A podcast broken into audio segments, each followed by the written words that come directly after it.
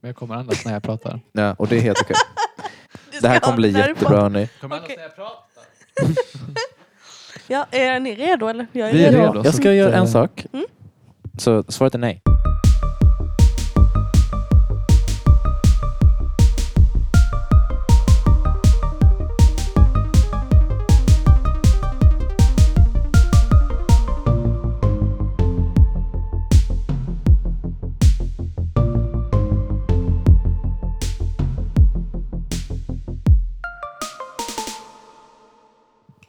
Klicket av.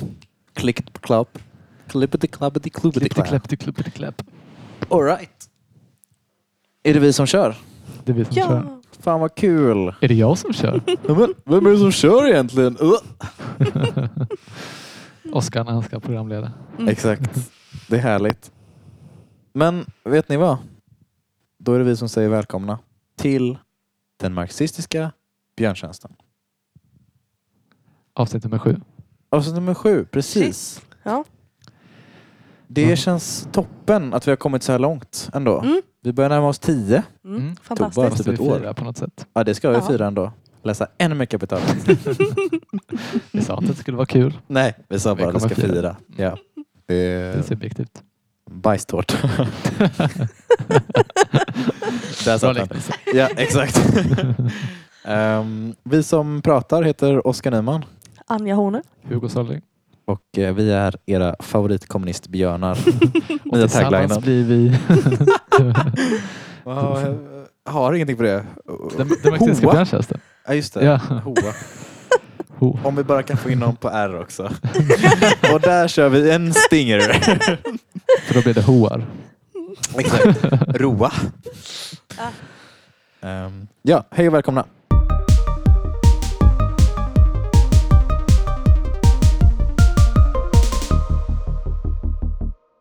Ja, det är ju corona, hörni. Eller hur? Coronatider. Ja, det är ju Covid. det.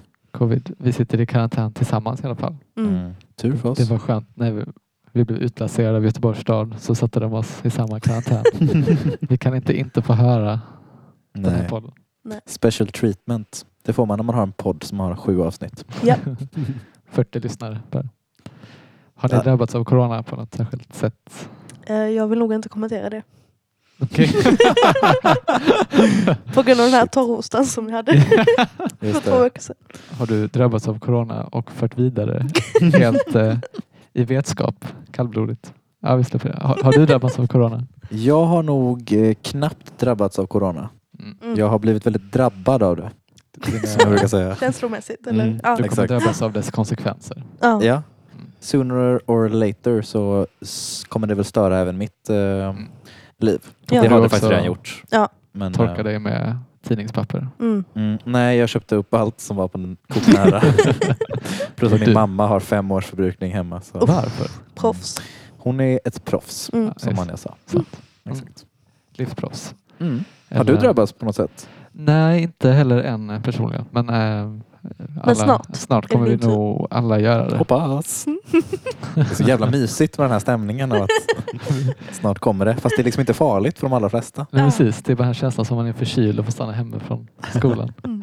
Men det finns ju andra personer som eh, har drabbats. Ja, alltså några exempel på hur samhället har drabbats av corona. Eh, Samir Badran som är del av eh, Samir och Viktor Mm. Ja. eh, med- är eh, programledare för Talang på TV4. Mm. Men i fredags när det var final så Mhm. kände han sig lite febrig så han kunde inte vara med. Mm. Oj, shit. Mm. Tråkigt. En tragedi. Tänk om talangerna skulle få corona. Ja. Ja. Mm. Mm. Tänk bara Du en hör sån ju själv. tanke. Liksom. Ja. Jag, gud, det jag ska hantera detta. Eh, sen var det också Anki. Eh, en kvinna som skulle åka till Teneriffa eh, och var i solen i 14 dagar. Men var tvungen att ställa in sin resa för att, eh, ja på grund av corona. Nej, Och hon men- själv kommenterar detta med eh, trist. Det, det hade jag också. Men hon har, ja, hon har ju helt rätt i det. Ja, man, ja man det kan är skratta. jättetråkigt. Men det, ja, nej, det är inte verkligen. tråkigt. Det är trist är det. ja. det är trist. det är en väldigt bra beskrivning. Det Ja. verkar, verkar mer eller mindre. Hon sätter Ja, det är huvudet liksom... på spiken. Vad ska hon nu göra den här veckan? Liksom? Två veckor. Två, du? ursäkta mig? Två veckor Teneriffa. Ja, det är trist. Ja. Det är verkligen. Sen har vi de, eh, det här bröllopsparet också som Ja. eh, skulle gifta sig eh, i Brunflo. Mm. Vi har på SVT eh, Aktuellt, tror jag det var för en dag sedan, Mm. rubriken Bröllop utan fest i Brunflo. I helgen så var det bröllop i Brunflo kyrka i Jämtland. Men utan någon fest och med bara hälften så många gäster som det var tänkt.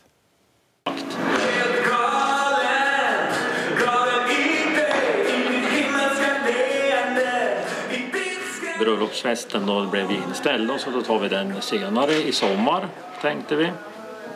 Hur känns det då? Ja, man snubblar lite på mållinjen som det kändes. Det finns många i riskzonen som inte törs komma på grund av att de är rädda för att bli sjuka. De är ju i utsatt I läge. den här riskgruppen då, som har någon sjukdom. Så då vill de ju inte heller komma eller utsätta sig då. Men nu blir det ju kanske så att ni får nästan ett bröllop till i sommar. Det kan bli lite kul. Ja, kan bli så. Vi kör en omgång nummer två, gör förnyelse. Mm. Så att alla får vara med, de som inte kunde komma. Och nu får ni, även om det är coronavirus och allting, nu får ni pussa varandra. Och så är det folkets jubel för någon ny. Så det var alltså en anledning till att ha två fester? Ja. Eh, Trist skulle jag säga. Så det var olika bud. Det var både trist Mm. men också egentligen rätt så kul. Men det var som att det gick upp för dem där och då. Alltså det Mm. känns som att de blev förvånade. Just det, men vi kommer ju Mm. ha en till fest. Men de tyckte Till? det var trist innan han Ja, sa de det. tyckte det var. Ja. Men hade nog kunnat få dem att gå på vad som helst. För han är en sån eh, storstadsreporter från, från Stockholm. Ja, exakt. Han hade kunnat... Eh, Ja, du, vi, får, vi får ställa in bröllop, men de bryr sig inte där uppe i Stockholm. Nej men precis, vi, vi här nere i söder om, eh, om fjällen, vi kan inte förstå att det är jobbigt att ha två bröllopsfester Nej. Nej, måste det börja ha det låter fruktansvärt. I södra Norrland. Mm. Men eh, det finns ju andra personer som uttalat sig eh, om corona förutom Anki och bröllopsparet i Brunflo. eh, bland annat Slavoj Finns det verkligen fler? Det finns fler. Okej, ja. Jag, har, jag har inte hört så mycket om corona de senaste veckorna. Men vad tror du Zizek har sagt om corona? Trist? Han säger a blessing in disguise. Ja, A jag tänka, disguise in blessing. nu får jag tänka på vilket som var vilket. Men Mm. han, han säger väl också att det är trist. Han håller med Anki på Mm. hennes första yttrande. Men han, han formulerar lite annorlunda för han har skrivit en artikel som heter Coronavirus is Kill Bill-esque blow to capitalism Mm. and could lead to reinvention of communism. Ja, men jag tackar. Och i Mm. den här artikeln så beskriver, jag har faktiskt eh, pinsamt nog inte sett Kill Bill, men han beskriver från Kill Bill 2 när eh, hon som killar Bill Mm. eh, killar Bill genom att ge honom det, eh, nu ska jag se vad det heter, five, Live-googling här. ja, five point palm exploding heart teknik. Just det. Där hon genom att eh, slå honom på ett speciellt sätt får honom att eh, eh, han, alltså ens hjärta exploderar om man går fem steg. Liksom. Okej. Så att hans hjärta exploderar men de kan prata några minuter och sen går han Mm. och då dör han. Liksom. Har du sett Kill Bill? Nej, det var en superspoiler. Ja, Ingen av oss har sett den. Okej. det här är en Toppen. sån eh, Snape är god grej. Man får bara ta att eh, Bill blir killad. Liksom. Jag visste inte heller det innan jag, Mm. innan jag Bread såg makes det. you fat. Nej, dålig för den som ingen har sett den. Ja. Eh, men eh, annars kan vi bara censurera det och säga att hon som, eh, eh, Hon är som med, beep, beep. När hon beep, beep. hon som är med i Kill Bill killar någon. Ja, Ja. exakt. Mm. Då använder den här tekniken. Ja. Och det är inte en helt eh, självklar eh, analogi men det är värt att, värt att förklara själva titeln i alla fall. ja, det tycker jag. Mm. Men jag undrar ju såklart varför eh, är detta någonting som kan leda till kommunism? Vad tankar? Mm. Varför corona är... Eh... Ja. Är inte Kill Bill då? Nej, precis. Eh, Nej, jag vet hur analogi ska vi jobba För med? att alla blir så himla omtänksamma mot varandra och ja, hjälps åt. Okej. Mm. Oskar, Tack så mycket. Ja. Eh, Jag tänker att jag läste någonting om att Spanien skulle återinstatifiera, göra staten härskare över eh, Mm. de olika sjukhusen och sånt Mm. igen. Mm. Och att folk har en önskan om att staten ska ta hand om en. Mm. Ja. Lex Moderaterna som helt plötsligt tycker att Folkhälsomyndigheten ska få mer pengar Mm. eh, till exempel. Att Ja. staten ska ta mer ansvar. Mm. Det låter väldigt rimligt. Men Det är bara en gissning. då får jag säga att båda har rätt. Nej men, Ah, Oh. fantastiskt. high five. Men han skriver flera anledningar. Bland annat så skriver han att den eh, iranska, tror jag också liknande, folkhälsoministern, någonting liknande, Nu live-googlar jag återigen. Japp, Deputy Health Minister i Iran. Han eh, gick ut för att säga att corona är inte så farligt och sen några dagar fick han gå ut och säga att eh, han själv var drabbad. Och då sa han This virus is democratic and it doesn't distinguish between poor and rich or between statesmen and ordinary citizens. Så det är Mm. någonting som drabbar oss alla jämlikt. Men överlag i artikeln så beskriver Zizek framförallt det som eh, du pratade om att Mm. han själv också ser behovet av överstatlig organisation. Han pratar till exempel om eh, World Health Organization, Mm. WHO. Och eh, det är det som är hans mest konkreta anspelning på kommunism då som han använder rätt så, Mm. eh, i rätt så bred bemärkelse. Att Mm. man skulle ge ett sådant organ eh, större, större exekutiv makt. Och Mm. då säger han till exempel så här. I think that in this sense, we should behave as if we are in the middle of a military operation. It's not a question of markets and so on. Things are needed. We have enough of means. We should coordinate our activities. We should do it together. It's really either some kind of nothing to do with sad experiences of the 20th century, some kind of communism where I simply mean strong global international hmm. cooperation, coordination, transparent to the public, sharing information, coordinating activities, and so on. Either hmm. this or a very, very sad world. Very, very sad world. Very, very sad. är Men alternativet du till översätter lite. Ja, Precis, han pratar du här kan ju eh, engelska med slovensk brytning. som det är mitt, eh, Ditt modersmål. mitt andra språk. Han pratar helt enkelt bara om att vi står inför valmöjligheten av eh, a very, very sad world. Mm. Eh, Mm. Eller att vi eh, samarbetar över nationsgränserna. Så att, som han säger Ja. själv att har det inte så mycket att göra med kommunism från 1900-talet utan Nej. det är det här organisationen, eh, statliga eh, organisationen och också det överstatliga som att till exempel då WHO skulle bli världsdiktatorer. Det är lite Mm. hans, eh, Mm. hans eh, drömscenario. Okej. Ja, men me- väljer man mellan a very, very sad world och en värld som liksom hjälper Ja. varandra så jag ser ett bra och ett dåligt alternativ. Mm. Eller som Anki skulle säga, en väldigt, väldigt trist värld. Ja, en trist värld. Det är Anki versus brudparet i Brunflo. Ehm, och om vi eh, vill höra mer vad han har att säga. Mm. it's clear in situations like this that we cannot leave global decisions to markets and to nation states. State has to intervene, but in a way which promotes international cooperation. Only in this way something can be done. Otherwise, we will return to some kind of a primitive medieval society, states fighting each other with numbers of victims at the level of plague epidemics and so on and so on.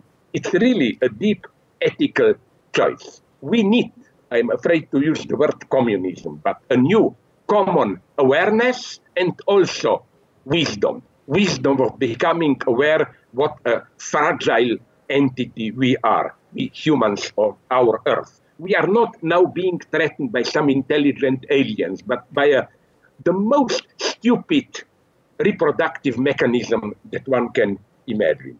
Ja, och här pratar han vidare om samma grej att vi helt enkelt behöver den här överstatliga organisationen eh, och samarbetet för att inte hamna i något eh, medieval crisis när Mm. eh, alla stater då får åt sig toapappret var för sig Mm. och eh, Just det. det är anarki. Och eh, vi har eh, lite på, på tu man hand också pratat om just den här eh, bräckligheten som man pratar om eh, Mm. att om marknaden skulle lösa det här själv. Att, eh, som också jag reagerade på först när det, viruset kom i Kina att jag tänkte liksom aldrig att det här skulle komma hit. Liksom. Nej. Men sen när man börjar inse att man inte är så många handskakningar bort från eh, Kina. Xi Jinping så eh, att det sprids väldigt snabbt den här globala ekonomin att det angår alltid eh, oss alla. Liksom. Mm. Det, det Mm. är ett världsproblem. Ja, verkligen. Det är så otroligt tydligt hur, eh, hur skört allting var. Man kanske mm, levde i någon slags illusion om att det var ett stabilt eh, samhälle.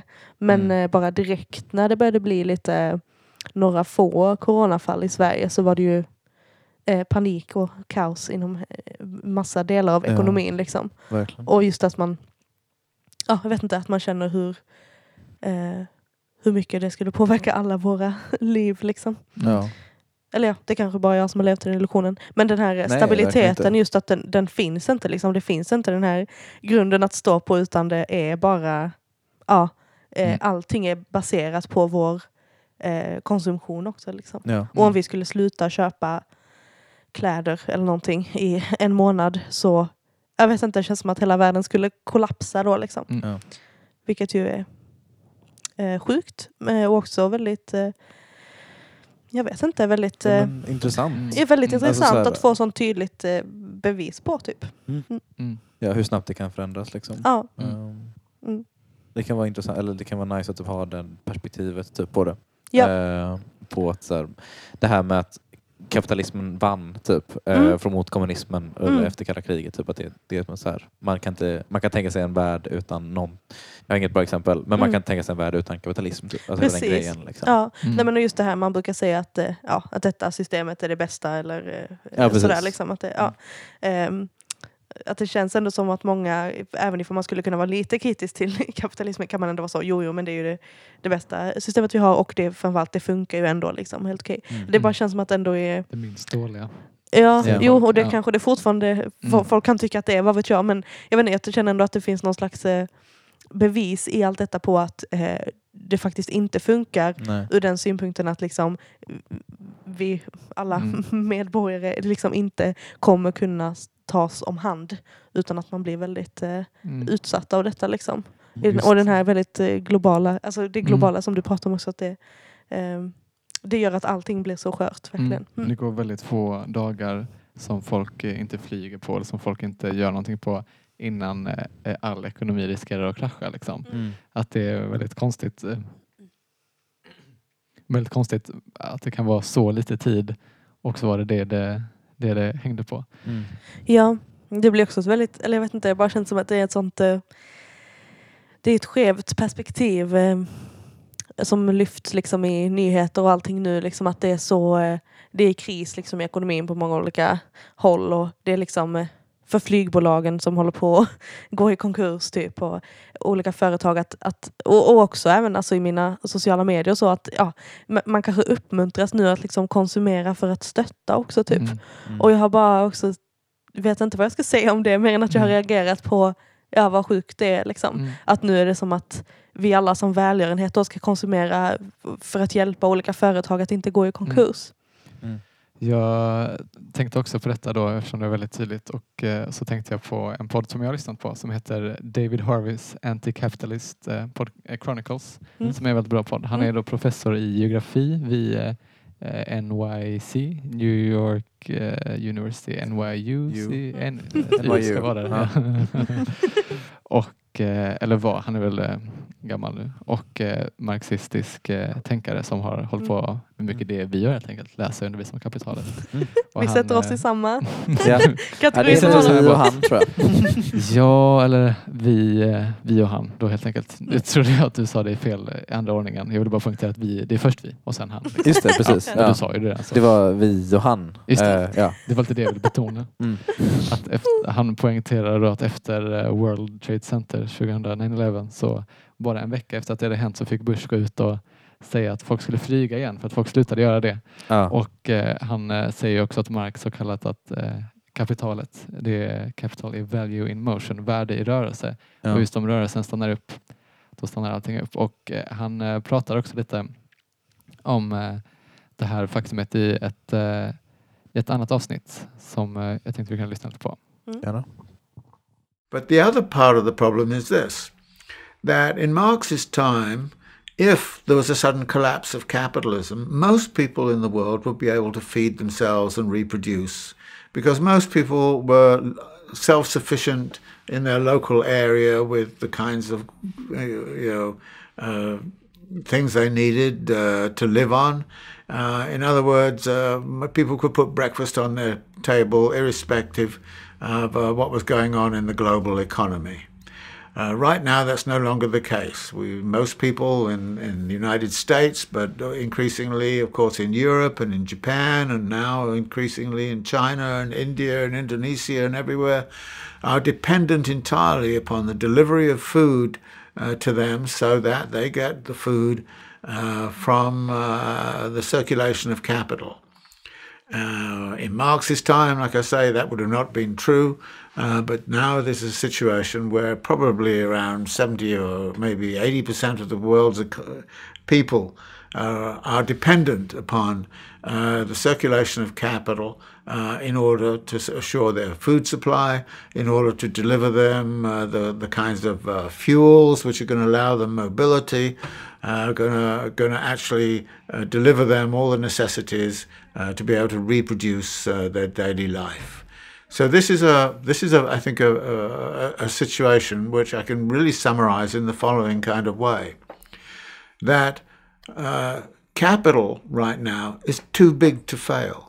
Ja, ja. Säg, du får gärna återupprepa vad han Ja, sa. precis. Så här berättar då professor David Harvey eh, lite om eh, att detta inte var ett problem som Marx själv riktigt behövde hantera för i hans tid så om det skulle vara strejk eller någonting eller att eh, ekonomin skulle kollapsa så kunde ändå de flesta arbetare, de flesta människor eh, skaffa frukost åt sig själva ändå för att det fanns eh, mat i, i närheten. De var kanske inte inte att de producerade allting själva men ändå att det gick att, gick att finna. Men Mm. det han säger då, eh, som vi har upplevt nu då är att om det skulle vara att någonting i världsekonomin havererar så kan inte de flesta människor, kanske 70-80 procent av befolkningen i världen, eh, ha frukost på bordet. Var, var kommer det du äter till frukost på någonstans? Det kommer Mm.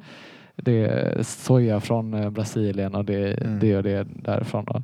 Mm. Och att det, eh, en annan bräcklighet nu är att, som han sa, att capital is too big to fail. Mm. Om någonting händer så kommer det inom en vecka. Och nu har det ändå inte hänt så allvarligt. Men om det skulle vara att hela produktionen skulle stanna av Mm. skulle...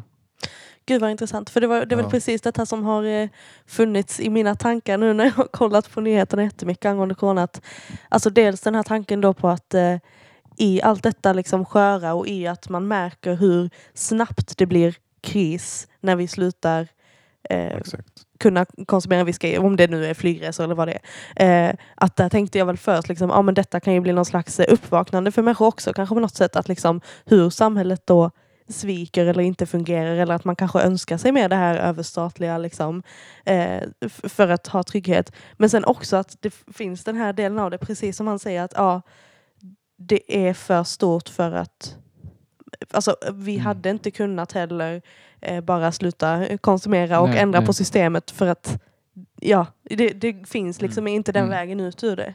Nej, Det är men- jätteintressant. Precis. Mm. Mm. Men tyvärr om man då känner att eh, det visar sig ohållbart om man tänker att man vill byta system. Att det tyvärr är att man ändå i nuläget först måste rädda det för att vi har Ja. inte, vi har Ja, inte precis. tillräckligt mycket toapapper eller frukost på lager för att klara oss Nej, så lång tid. Vi kan inte bara bojkotta liksom. Vi kan inte Nej. bara sluta eh, för att ja, det är vi själva som kommer få lida för det sen och Mm. inte Ja. ha någon mat. Men det som Mm. också är eh, dilemmat är väl att även om det är too big to fail så är det också too big to function eh, Ja. i, i nuläget som vi också då ser tack vare det här fantastiska viruset. Ja. Men eh, vad ska man då göra i en sån situation? Vad, vad ska man eh, göra? Och eh, det har vi ju redan hört. Vi ska ha WHO, World Health Organization, som eh, världsdiktatorer. Mm. Vi har det rätt så mysigt för vi har ju bara karantän tillsammans här. Vi får, Ja. vi får inte lämna Oskars lägenhet. Nej, det är ingen fara. Men om man väl, men om man väl har, är i karantänen och man har bunkrat toapapper och man stöttar eh, World Health Organization som eh, världsdiktatorer. Vad ska man göra med sin tid? Och eh, ja, ni kan ju gissa vad David Harvey säger. Think about what's going to happen over the next 50 years. We look at environmental conditions, we look at air pollution conditions, we look at you know plastic pollution conditions, we look uh, at the tensions of daily lives, which are kind of going to be wrecked uh, by by speed up. We look at all of those kinds of things and say, look, we need an alternative economy the intuition which is around, which is correct and very strong, that our economic system is not working for us. That recognition is, I think, absolutely critical, but we have to understand why. And it's the questioning why which contemporary economics and contemporary thinking is not doing a good job of probing at all. And that is, it seems to me, what we should be doing and what we should be thinking about.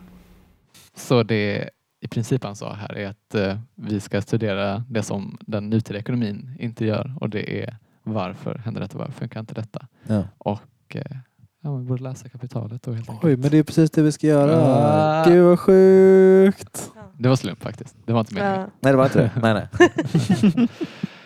Ja, så det, det är min take på corona då.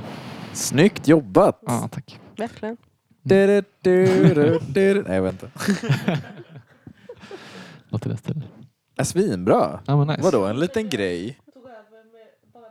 Jag bara tänkte fritt. Ja, men det är väl det. Eh, det det är det vi vill att vi ska göra. svinbra. Att Det här vi gick ska hur göra. bra som helst. Jag tycker vi verkar proffs. Nice. Tänk, tänk fritt mer känner jag.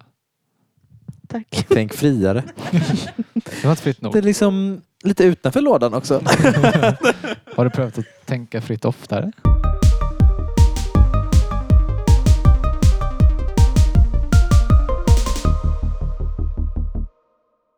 Mm. Och för att sammanfatta eller ge lite kontext så kan vi väl säga att eh, man kan ju lyssna på de här andra sex avsnitten vi har gjort. Ja, precis. Och eh, det vi håller på med just nu, eh, mer specifikt än att bara läsa det första kapitlet i kapitalet, är att vi eh, läser om när Marx förklarar penningformens uppkomst. Och det gör han genom att eh, eh, förklara ekvivalensformen och den relativa värdeformen. Och nu ska vi börja läsa eh, det som är kapitel 1, 3, 4, den enkla värdeformen i dess helhet på sidan 53 i vår upplaga. Mm. Men dock känner jag att jag har glömt väldigt mycket vad vi läste sist. Så det här kommer bli spännande. kommer Mitt i spänningen. Ja. Yes, sagt. Okej, då börjar vi på fyran där va? Mm. Mm. Den enkla värdeformen i dess helhet. En varas enkla värdeform är innesluten i dess värdeförhållande till en olikartad vara eller i bytesförhållandet till densamma. Värdet av varan A uttryckes kvalitativt genom varan Bs omedelbara bytbarhet med varan A.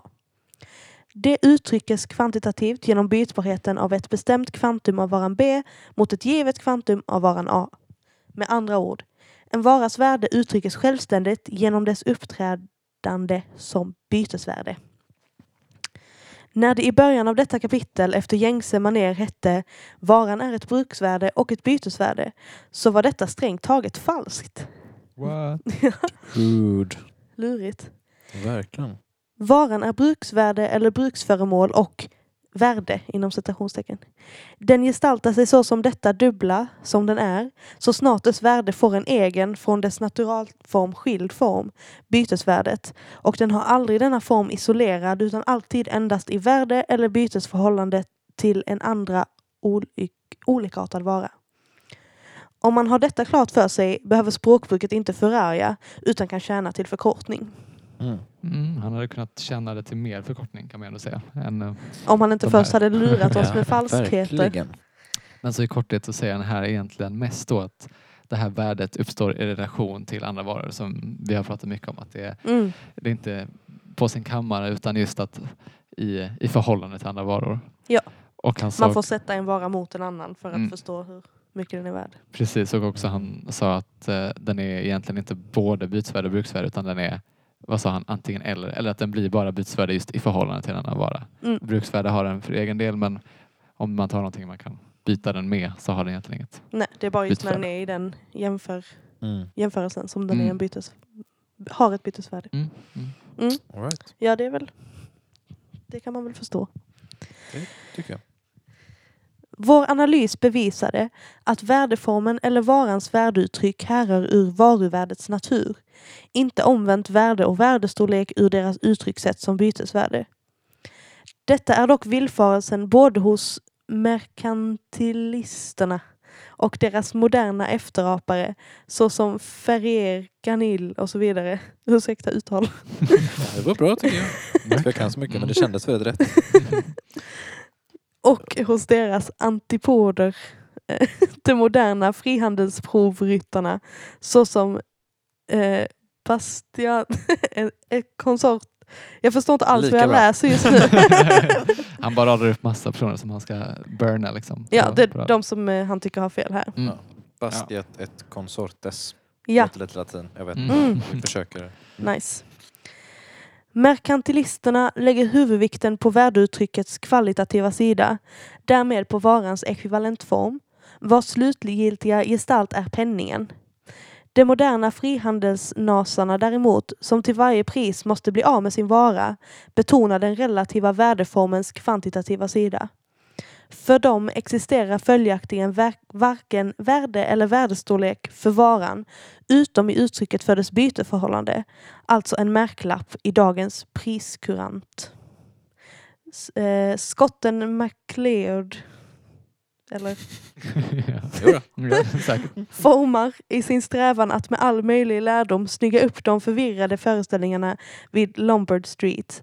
Den lyckade syntesen mellan vidskepliga merkantilister och fördomsfria frihandelsdörrknackare. Alltså, han är ju bra på att raljera ändå får man Ja, säga. Ja, det känns Mm, väldigt mycket så just nu. Han har ju tonen inne. Den kan vi bedöma. Om vi Ja. inte kan bedöma innehållet så kan vi bedöma. Jag vet inte riktigt vem de här personerna tonen. är. Nej. Formen av en diss. Ja. Det är han bra på. Vad ska vi se? Han Jag pratar att du är om... kallad för fördomsfri frihandelsdörrknackare. Men är detta någonting som vi behöver liksom lägga någon mer vikt vid att förstå eller känns det mest som att han vill... Det känns väldigt svårt att göra det utan att veta någon Mm. som helst. Eller för min del i alla fall. Ja, Jag ja. känner inte till, jag, jag har hört merkantilisterna, det, Mm. Ja. det ringer en klocka. Men Nej, det är inte jag som har läst idéhistoria här. Nej men precis, så det känns ju mest som att han, äh, de har haft olika skolor då om, Mm. om värde som han, om han vill dissa. Mm. Men vi fokuserar ju i det här, inte, det är svårt om man ska ha med all, all kontext liksom, utan vi Ja. får ju mest bara Ja. följa. Vi, vi tror på Mm. Marx. Det viktiga är att han säger att många människor har fel Mm. och att han själv har rätt. Precis. Då har de ju det i alla fall. Ja. Ja. Och det var några där merkantilisterna lägger det fokuset vid den kvalitativa sidan. Mm. Uh, ska vi se. Ja. Ja, men jag är med. Då fortsätter vi läsa bara. Mm. Yes. Ett närmare betraktande av varan A's värdeuttryck som innehålles i värdeförhållandet till varan B har visat att inom detsamma varan A's naturalform endast gäller som brukvärdesgestalt, varan B's naturalform endast som värdeform eller värdegestalt. Den i varan dolda inre motsatsen mellan bruksvärde och värde kommer alltså fram genom en yttre motsats, det vill säga genom förhållandet mellan två varor, i vilket den ena varan, vars värde skall uttryckas, direkt endast gäller som bruksvärde. Den andra varan, var i värdet uttryckes, direkt endast som bytesvärde. En varas enkla värdeform är alltså den enkla företeelseformen för den i varan inneboende motsatsen mellan bruksvärde och värde. Nu ska vi se, där på slutet Okej. kom något som kändes... Eh, Just det, för det här kapitlet heter eh, Den enkla värdeformen i dess helhet och sista meningen här var En varas enkla värdeform är alltså den enkla företeelseformen för den i varan inneboende motsatsen. Jag förstår inte vad företeelseformen betyder. Nej, men eh, nej, det kan man fråga sig. Ska vi, jag, jag googlar. Men eh, det känns så, som ett sånt annat uttryck för utkristalliserat och eh, skepnad. motsatsen mellan bruksvärde och värde. Och när han säger värde då, det andra, vad är det då? Är det bytesvärdet? Men precis, för det känns som att det han säger här är de också motsatsen som vi pratade om förra gången. Att vi har ekvivalentform och relativ värdeform och olika grejer som är på olika eh, sidor av likamässtecknet när man jämför grejer. Mm. Och det han säger då är att den ena eh, varan eh, som vi jämför med den andra varan eh, den uttrycker, eh, den ena i bruksvärde och den andra i, i bytesvärde som han sa här att eh, eh, i vilket den ena varan var i vars värde ska uttryckas direkt endast gäller som bruksvärde. Den andra varan var i värdet uttryckes direkt endast som bytesvärde. Så det är alltså om vi har vara A. Mm. Ah, förlåt, när du var mitt i Nej, någonting. nej, precis. Nej men vara A då är bruksvärdet och sen så mäter man den mot vara B och då Mm. mäter man bara bytesvärdet Mm. i vara B. Ja, det hade varit så mycket lättare om man bara kunde ha en eh, Youtube-föreläsning med Oskar Nyman. Ja, för ni hör ju här hur jävla säker jag är. Det är så jag tänker att han, att han eh, sammanfattar Ja, det det kändes som tredje gången när du läste det liksom andra gången och jag sa det högt tredje gången. Nu känner jag att jag Mm. kanske förstod vad det betydde. Liksom. Men det känns ju också som att han har upprepat många gånger genom de, de sju avsnitten vi har läst. Mm. eh, Det här med den inneboende motsatsen mellan Mm. bruksvärde och bytesvärde. Mm. Ja, Mm. Jag vill inte säga något mer än det utan bara Mm, att men- det är något väldigt viktigt med den, eh, den motsatsen. Ja, precis, han gillar de eh, kontrasterna motsatserna. Ja, Det är precis, och man ska absolut inte blanda ihop dem. Nej, precis. Känns det som i nuläget. Nej. Mm. Ja.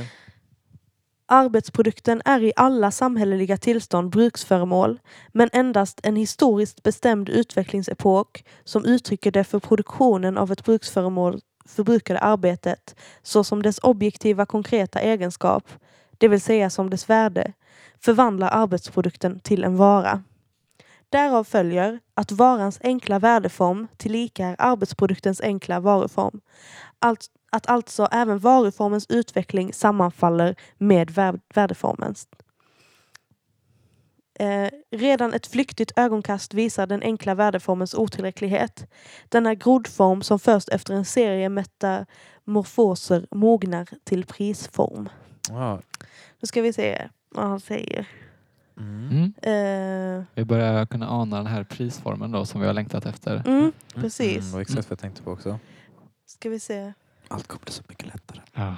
Men han sa också här då att det, arbetsfrukten är alltid i alla samhälleliga tillstånd ett bruksföremål men endast i en historiskt bestämd utvecklingsepok, då också hans egen, vår egen, Mm, eh, så uttrycker den eh, ett, eh, blir en, en vara. Och Mm. eh, ja, så sa han helt enkelt. Och eh, sen så då att värdeformen kommer det bli en prisform snart. ja, Kanske. mm, vi får se. Mm. Genom att uttrycka värdet av varan A i någon vara B skiljer man endast varan A's värde från dess eget bruksvärde och sätter den därmed också i bytesförhållande till någon enstaka, från den själv skild varuart istället för att belysa dess kvalitativa likhet och kvantitativa proportionalitet med alla andra varor. Den enkla relativa värdeformen av en vara svarar mot den enda ekvivalentformen av en annan vara. Så äger rocken, i linnevävens relativa värdeuttryck, ekvivalentform eller omedelbar bytbarhetsform endast i avseende på denna enda varuart linneväv. Emellertid övergår den enskilda värdeformen av sig själv i en fullständigare form. Genom denna blir visserligen värdet av en vara A uttryckt i endast en vara av, en, av annan art.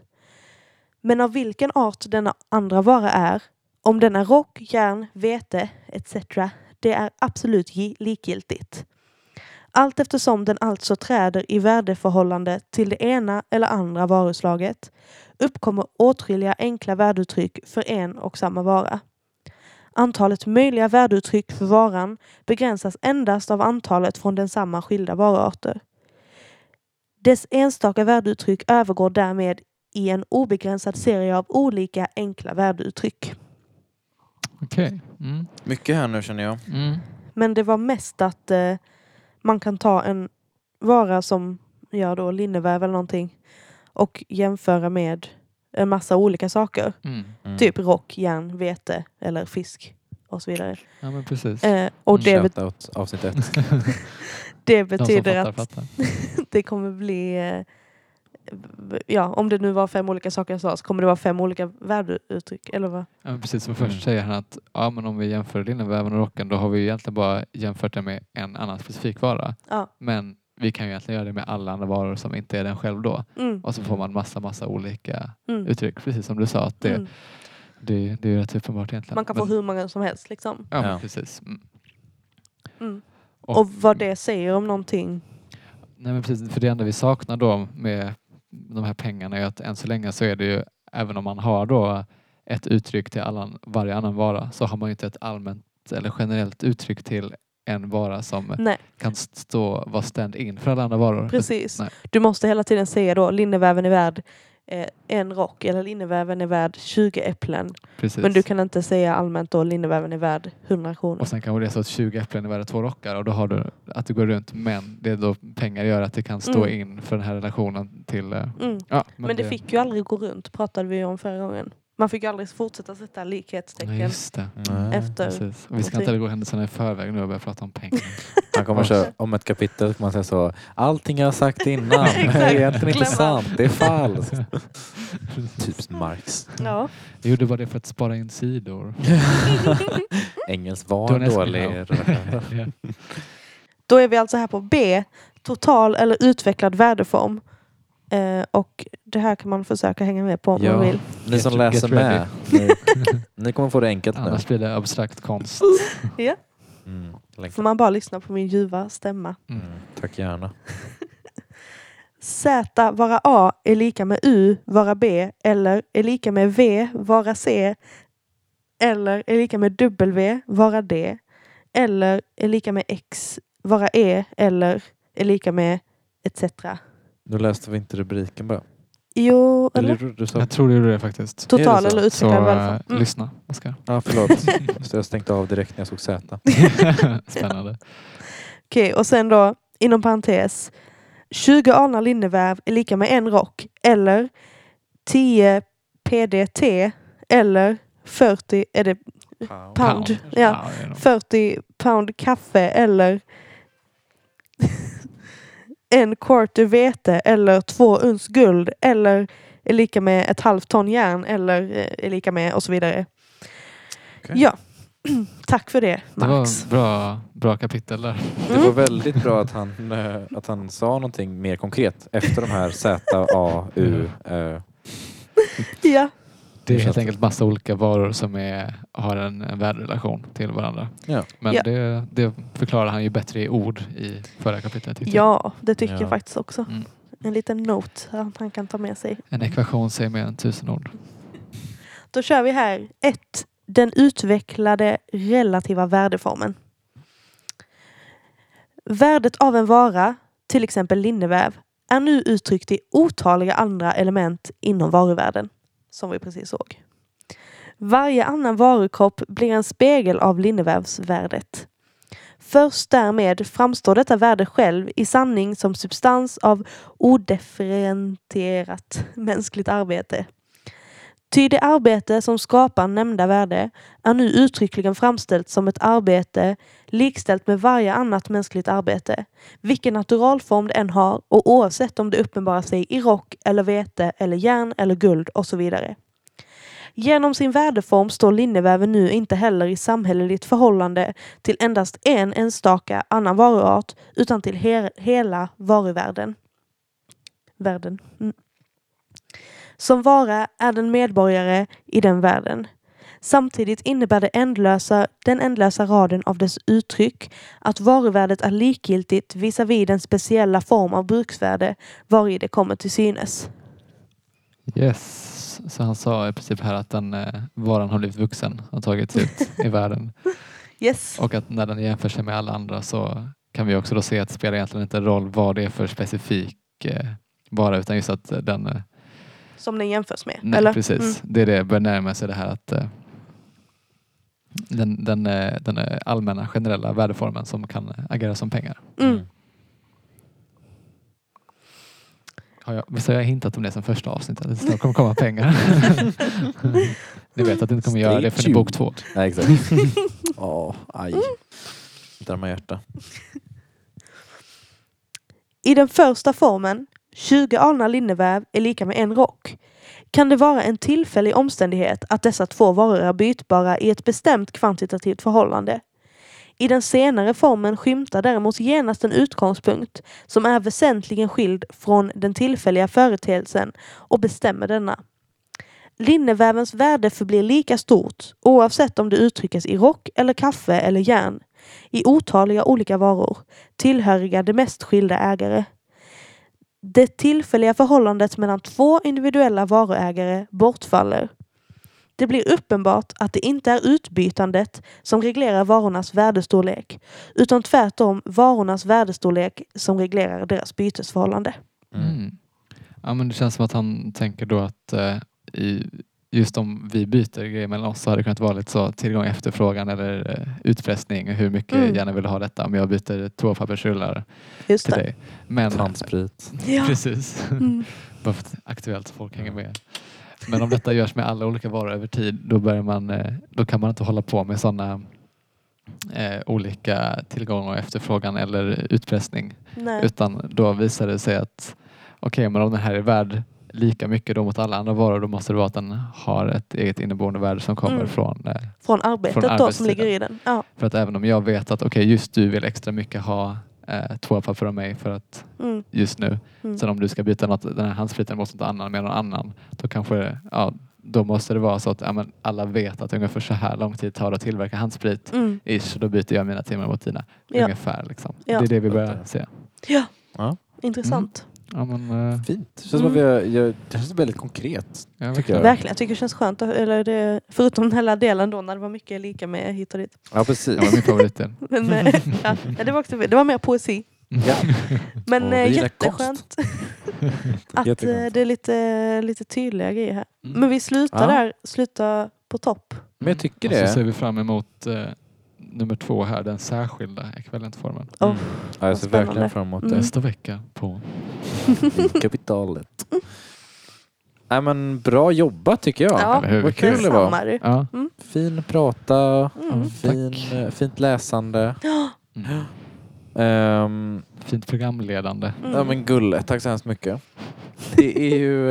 ehm, ja, men det är, nu är vi tillbaka i karantänen här och Mm. eh, så Ja. blir det fler avsnitt eftersom vi ändå sitter fast här tillsammans. Mm. Det är också perfekt för alla andra att bara Mm. sitta inne och lyssna på vår podd. Ja. Faktiskt, nu när det är karantäntider. Detta Ja. kommer vara Så det man enda kan- som inte ställs in i era liv. Ja, Så man kan ju passa på att det. lyssna på de sex första avsnitten också om man inte... ja redan det, har är gjort liksom det. inte ens, det är inte ens en dags arbete att göra det. Nej. Liksom. Nej, nej. Ni har tid. Ja, Ja. ni har tid. Och man kan somna gott till också. Hälsa, verkligen. hälsa era kompisar det som inte lyssnar. Mm. Mm. Nu är det De time. som eh, är hemma i karantän och då ligger vakna och oroar sig över grejer. Ja. Det är bara att slå på och somna till det. Ja. Eller folk som genuint har funderat över hur kommer det sig att kapitalet är för stort för att fungera och för stort för att misslyckas. Exakt. Ja, det är kanske mest de här två tidiga grupperna. så mycket senare. Vi utökar vår fanbase ett, ett, ett fan efter nästa. Som det heter. Exakt. Ja, men då tackar vi så hemskt mycket för att ni har lyssnat. Den marxistiska björntjänsten eh, kommer tillbaka i era öron När det minst anar det. snart. Ja.